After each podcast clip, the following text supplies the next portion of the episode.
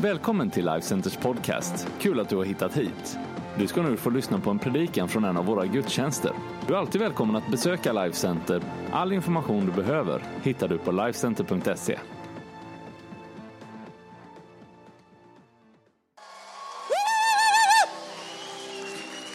Holy Spirit, thank you for the house. Thank you for this place.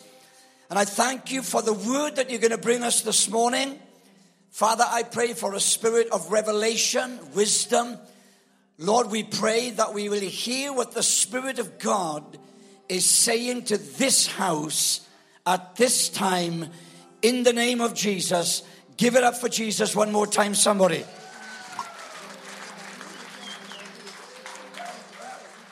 You may be seated. Well, I'm going to get straight. It. Give the musicians a great clap right here. Come on. Tonight we're going to do a little bit of singing. We're going to do the new Hillsong chorus called Mustang Sally. All you gotta do is ride around Sally. Okay, we'll teach you a bit more tonight. They're fine.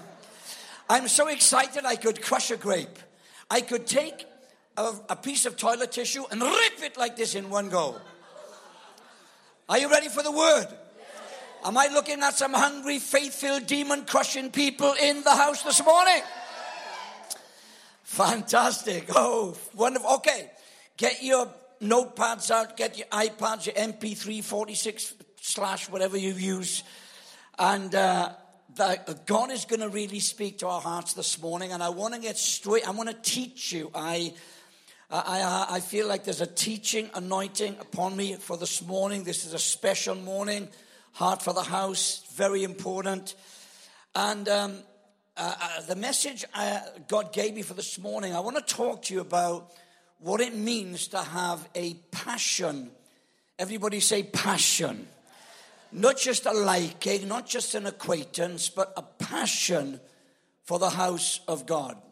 You know, when people, when God's people come together collectively, whenever we meet collectively together, God describes us in a collective sense. He uses some amazing analogies. Like when we come together collectively as God's people, He, he relates to us uh, or He calls us a body. Uh, in another place, He refers to us as a bride. In another place, it's a flock. At another time, it's a city. But the one, uh, for me, the one that emphasizes his abiding presence when we come together collectively is when God calls us his house. And um, uh, let me just give you some scriptures. I'll be reading a few scriptures this morning. Look at this one, for instance, um, in Nehemiah chapter 10, verse 39. For the children of Israel and the children of Levi shall bring the offering of the grain, of the new wine, and the oil to the storerooms where the articles of the sanctuary are where the priests who minister and the gatekeepers and the singers are. Watch this. And we will not neglect the house of our God. Nehemiah 13, 14. Remember, oh, this is, this is great.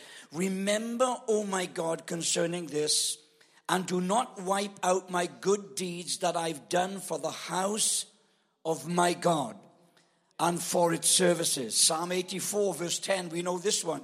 For a day in your courts is better than a thousand. I would rather be a doorkeeper in the house of my God than dwell in the tents of the wicked. Somebody say amen right here. Uh, and these Old Testament scriptures reveal the importance of God and his people, how they, the importance they placed on his house. When, now this is, this is interesting. This is, this really moved me when God's people were wandering around the wilderness for 40 years, 40 years they wandered around the wilderness, Moses was their leader. And whenever they camped, whenever they stopped to camp, uh, God instructed Moses to tell his people, you, you just can't camp anywhere you want. You, when you camp, Moses, I want you to instruct the people that they are to camp in a certain formation. And the Ark of the Covenant, um, which is symbolic of the presence of God, the house of God, Jesus. The Ark of the Covenant was to be in the center. So he said, whenever you camp, Moses, you tell the people, my presence has to be in the center. Then I want three tribes to camp north, three tribes to camp south, three tribes to camp east, and three tribes to camp west. And you can check it out in Numbers that he mentions certain tribes because of how many people were in that tribe. So when they camped, God's presence was in the center and they camped in that designated formation so that when God looked down at his people assembled, this is what he saw. If you can put that up on the screen there. What does that say? He always saw the cross. Even in the old covenant, so when we meet together as God's people, we don't meet around the music. We don't meet around your well-built, beautiful, good-looking pastor PJ. We don't we don't meet around celebrity. We don't meet around no. When we come together collectively as God's people, we meet around the finished work of Jesus. Come on somebody say amen. That's how God sees us. Now this is interesting. Not only that, but God said, when you camp like this, Moses, you tell every single man, every single woman, and every single child that they are to face my presence. So every single person uh, was camped in this formation and they had to face the house of God. They had to face the presence of God. This wasn't an option. Now, here's the problem. If I was Moses, I would have said, But God, we are in the wilderness, we are surrounded by enemies. If we face you, then we expose our backs to the enemy. Now, God says, No, listen. When you prioritize my presence, when you face my presence, when you face my house, Moses, I will take care of your back. Come on, somebody say amen right here. And, and he said, he said, he said, when you when you face me, I will take care of the threat. And I'm telling you right now, in these days, some of you are here this morning, in, some of you need to turn around because you are, what's threatening you? What's threatening you physically? What's threatening you domestically? What's threatening you financially? And what we do, we face the threat and we worry. And we, now God says, turn around and face my presence on a daily basis. Face my house, face my presence, and I will take care of the threat. Somebody give praise to Jesus in this house. I'm preaching myself very happy. That's just a little side salad there to help you. In the New Testament, it's still the same. First Timothy chapter 3 verse 15. But if I'm delayed, Paul writes, so that you may know how, how you ought to conduct yourself in the house of God. There it is again the house of God, which is the church of the living God, the pillar and the ground of truth. First Peter chapter 2, verse 4 and 5, coming uh, to him as to a living stone, rejected indeed by men, but chosen by God. Some of you may be rejected by men. Don't worry about that. You've been chosen by God. Rejected by men, chosen by God, precious and also as living stones are being built up a spiritual house. So the point I'm making, we are focusing, we are turning our attention on his house and his presence. And when I thought about all this, the first mention of the house of God can teach us a lot about our attitude towards the house of God. And the first mention regarding the house of God is in the book of Genesis, chapter 28. I'm not going to read the whole thing, I'll just give you a précis. Uh, Jacob uh, was on his way somewhere, and God met Jacob in a very special way. Uh, uh and and you can read that in, in, uh, in Genesis 28. And um, it, it uh, like Jacob went had a dream and he saw a ladder going up and down, and he had this amazing experience. And when he woke up, uh, this is what he said, verse 16 of chapter 28. Then Jacob awoke from his sleep and said, and we've got to understand this very simple fact that sometimes we take for granted. And Jacob said, Surely the Lord is in this place. And I did not know it. And you know, very often we come collectively as God's people, not realizing God is in this place. And when you know it, when you actually believe it, anything can happen in God's house. And he says, And I was afraid, he was afraid and said, How awesome is this place! This is none other than the house of God. Watch this. And this is the gate of heaven. I meditate on that for three months. This is the gate of heaven. Heaven's resources is available to us when we meet collectively as God's house. That's, that, that, that, that puts hair on my chest. That, that, that makes, I wish I had some on my head. But anyway, come on, are you still with me here? Yeah. I'm taking you somewhere. Watch this. Then Jacob rose early in the morning and he took the stone that he had put his head on, set it up as a pillar, and poured oil on top of it. There's three hours there. But, but we'll look at this one. And this, and this stone which I have set up as a pillar shall be God's house. And all that you give me, I will surely give a tenth to you. Now, this is the first mention of God's house right here. And when I saw this, in fact, I did a series in our church, but I want to focus on two things that I saw here. When we, when, according to this, based on this, uh, uh, Jacob said, How awesome is this place? When we come to God's house, one of the priorities we bring is our worship. Our worship.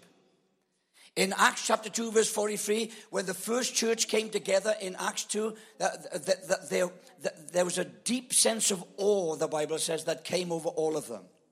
So when we come to God's house, where God is, then the first thing we bring is our worship. Can I just say a little bit about this? True praise and worship is not measured by the beauty of a song, but it's measured by the authenticity of the heart that sings it. Often we leave a meeting and we say, wow, the praise and worship was good. Think about that. And I've done it myself. Wow, the praise and worship was good. No, there's only one person that determines whether the praise and worship was good or not, and that's God Himself. Now, we can observe outwardly and we can say the music was good, the singers were great, the musicians were great, the pastor was great, the lighting was great, the staging, but only God can stamp approval on the sincerity of the praise and worship because it takes place outside the realm of human scrutiny. True praise and worship is not measured by what people see in the public arena but by what God sees in the private arena. True praise and worship is not measured by how passionate you sing other people's songs, but how you compose and sing your own. Singing and making melody in your heart to the Lord.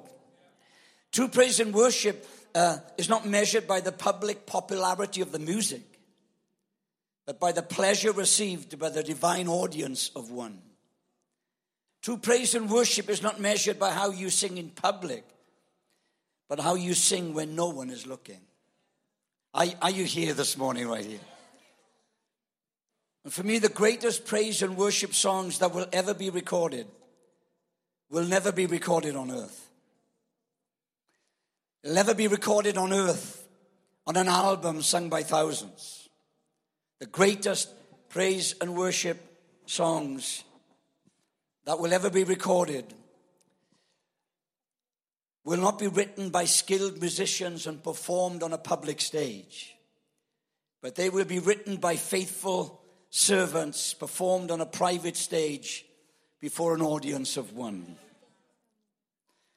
The song of thanksgiving written and sung in the lonely heart of a widow or a widower. The song of thanksgiving in the grieving heart of a mother. The song in the confused heart of a teenager when they don't know what life is throwing at them. The song of thanksgiving in the grateful heart of a grandfather. The song of, a, of thanksgiving in the frustrated, betrayed heart of a pastor. Are you, are you hearing what I'm just saying here? These are the songs. These are the songs. This is true praise and worship that causes heaven to rejoice. Somebody say amen right here. So bring your worship, however broken and, and imperfect you believe it is, bring your worship. And some of you have come here this morning with all sorts of stuff going on in your life, stuff you don't understand, stuff, pain you can't deal with. But here you are in God's house, bringing your worship, raising your hands to Him and saying, God, I don't care how I feel. The one thing I know, I'm facing you and you will take care of the threat. You will take care of the stuff that's happening in my life. All I know is that I'm putting you first. Seek ye first the kingdom of God. So bring your worship. When I taught this, there's about six things, but I'm only going to do two. That was the first one. But in line with what's happening this morning, um, the priority for us when we come into God's house is not only to bring your worship, but to bring your finances. And very often this is not talked about because, no, listen, it's very important. Uh, in verse 22, it says that, that Jacob, when he had this encounter with God and said, This is the house of God, the gate of heaven, he brought his worship. How awesome is this place? And he brought his finances. He said, I'm going to give you a tenth of all I have because everything I have is, comes from you anyway. In honor of the fact that God was his provider, he gave a tenth of what he had. Let me ask you this question. When you receive your wages, when you receive an inheritance, when you receive a gift of money, let me ask you this question. What is the first thought that comes into your head regarding them. I want this to sink in. Tithing is not so much about a tenth of your finance, it's about the first. PJ mentioned it this morning. It's about the first. Haggai uh, chapter 1, verse 9. Now, watch this. This is how, for me, this is what God did for me when I, when I meditated on this message in regard of my passion to his house, this is what changed it for me. One little word changed it for me. And I saw it. Haggai chapter 1, verse 9. My house lies in ruins, while all of you are busy building your own fine houses. Malachi chapter 3, verse 10. Bring all the tithes into the storehouse that there may be food in my house. Luke chapter 14, verse 23 Go out into the highways and hedges and compel them to come in that my house may be filled. There's one little word that changes a general concept into a personal, intimate one. It's the word my. What constituted such a violent reaction in Jesus that day when he went into the temple and drove out. What was it that caused Jesus to have such a reaction? Watch this. His answer was, My house shall be called a house of prayer. My house. What is it that will produce the same passion in us? What is it that will cause us to do everything we can to protect his house from splits and disunity and disloyalty? What is it that will cause us to die to ourselves, to serve his house, to see it healthy? What is it that will cause us to prioritize our finances and put God's house first in relationship to them? What is it? What, what was it that changed my life in this area? It was that one little word, my. When we move from talking about his house to my house. Come on, somebody say amen right here. When, when we ask God, God, shift my priority here. Really speak to my heart. When we move from talking about His house to talking about my house. Unless you can say that. See, we know that we've walked, see, we know that we are part of His house. But God wants you to go to another level and start to own it. This is not just His house. Father, this is my house. I'm going, is this helping anybody here? What, what's this? Unless we can say that, we will never be passionate to protect his house. Unless we can say, my house, we will never be passionate to serve his house. And unless we are passionate and call it my house, we will never be passionate to finance his house. That little word my brings with it a sense of ownership. It brings with a sense of responsibility. It brings with it a sense of love. When I was preparing this for our church, for a Heart for a House day, I'm in my study and it brought tears to my eyes. And as I'm writing this down, this is what Jesus said to me. He said, Ray, I took what was yours and I made it mine. Will you take what is mine and make it yours? He took my sins. He took my sorrows. He took my pain and he made it his. Jesus said, I will build my church and the gates of hell will not prevail against it. This is my house. He said, Ray, I took what was yours and made it mine?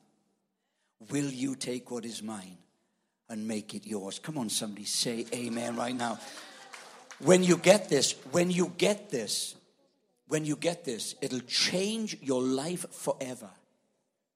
When it comes to your relationship to God's house.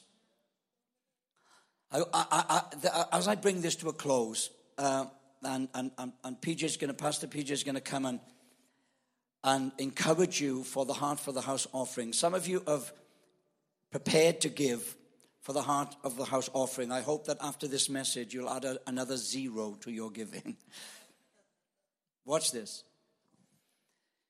It's a wonderful picture to help you prioritize your finances regarding God's house. And when you go home, you can read it in Genesis chapter 14. Let me give you just a little bit of a background. Abraham went into the enemy camp and rescued his nephew Lot. Um, had a great victory. And not only did he have a great victory, but within the victory there was a lot of wealth and a lot of spoils. So not only did he, did he rescue Lot, but he came back with a load of material wealth. On his way back, Abraham was met by two kings. You can check this out. Uh, and this so blessed me when I saw it. He was met with two kings. One was the king of Salem, and his name was Melchizedek. Without going into too much detail, it was Jesus. Okay, do your own study there. You, trust me, it was.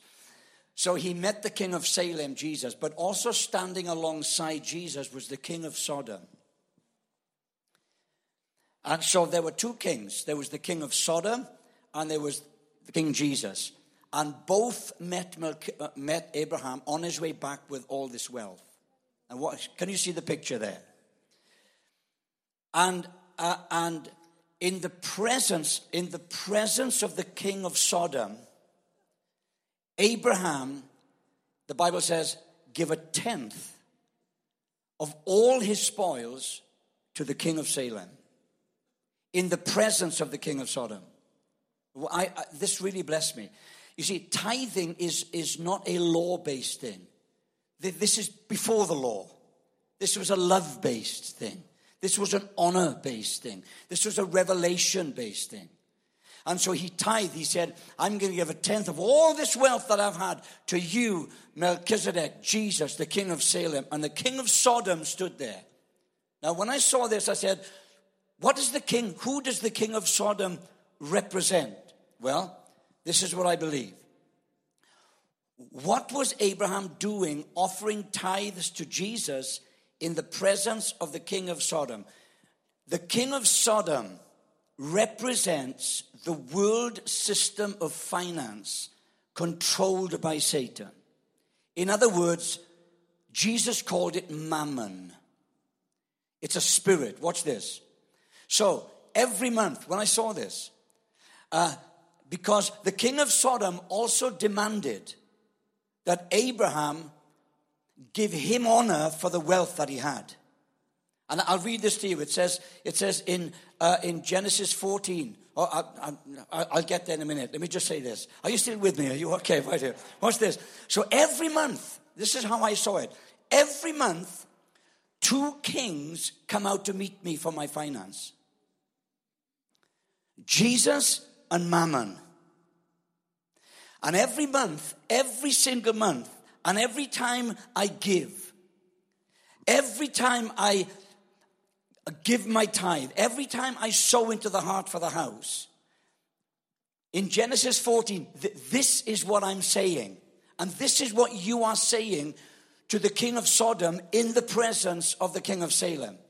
Genesis 14, verse 22 to 23. But Abraham said to the king of Sodom, I have raised my hand to the Lord God Most High, the possessor of heaven and earth, that I will take nothing from a thread to a sandal strap, and that I will take nothing that is yours, lest you should say, I have made Abraham rich. In other words, spirit of the world, spirit of mammon, Every time I raise my tenth and give it to Jesus, I am declaring to you that the spirit of this world, the spirit of mammon, does not control my finances. You are not my source. Come on, somebody. You are not my source, but Jesus is the source. Somebody give praise to Jesus in this house. After I've honored Jesus with my tithe, in the presence of the spirit of mammon, after I've given my heart for the house offering, this is what I say in the presence of both kings. And I, you know, it really gives me great joy when I do it. I say, I want you to know, devil, that the source of my prosperity does not come from you, it comes from Jesus.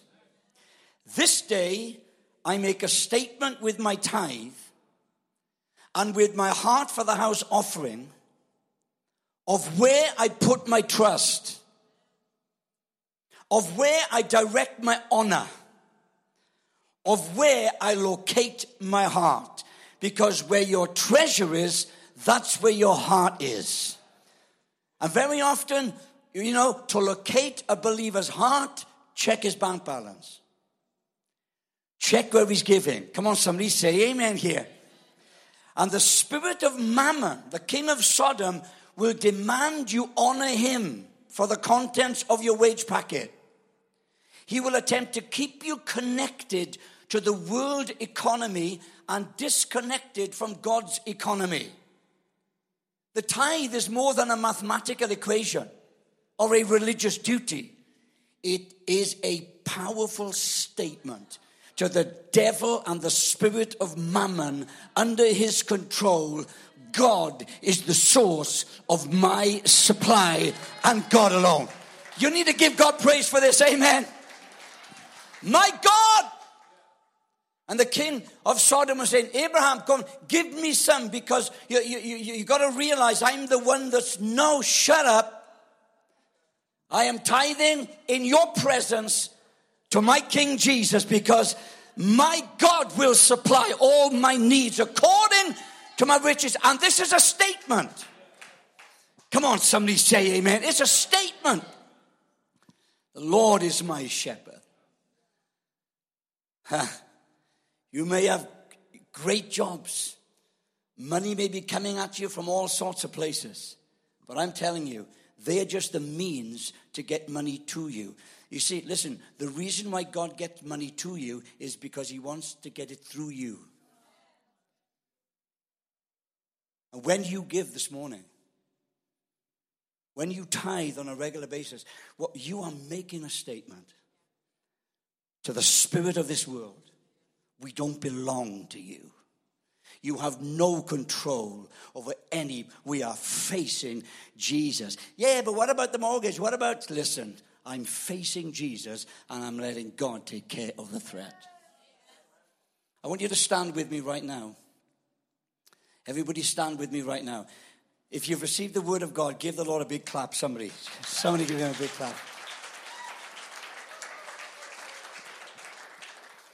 Okay, this is what we're going to do. We're gonna, we are going to make a declaration right now. The king of Sodom and the king of Salem, Jesus. We're going to make a statement right now. Are you ready to make a statement right here? And this is the statement we're going to make, okay? And I, I, want you to say it. If you, if, you, if you agree with everything the Word of God has said this morning, then I want you to raise your right hand up like this. I want you to raise your right hand up like this. And before we give, we're going to make this statement. Are you ready for this? Okay, I'm sorry it's in English, but here we go. Devil, as I honor God with the first fruit of my finances, by faith, I believe the rest of my finances are protected and blessed. King of Sodom, you have no part. I give you no credit for my financial well being. And by faith, not by fear, but by love, not by duty, I honor my king by pouring my finance into his house which is my house. Give the Lord a big clap and praise him.